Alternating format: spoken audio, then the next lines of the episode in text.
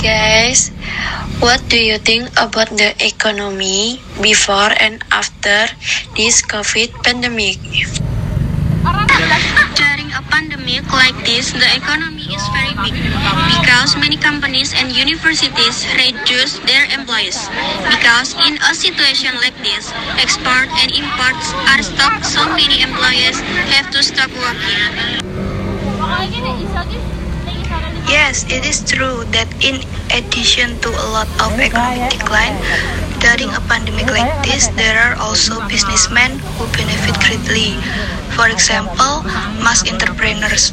Because during a pandemic like this, we are required to use masks. So for the production of masks ourselves, it is increasing greatly.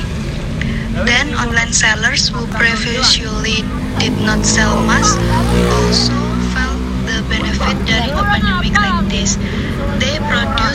then they were sold again, and that was quite profitable for these online sellers. How is the economy in your city?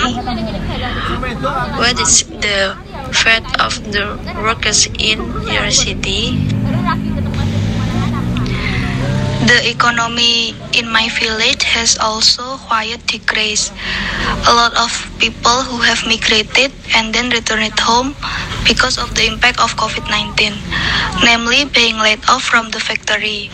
To, con- to continue the economy of people who have been laid off, they work as they are in this village. Some are construction workers. Some also become construction workers, farmer, and others who continue with small business, for example, trading.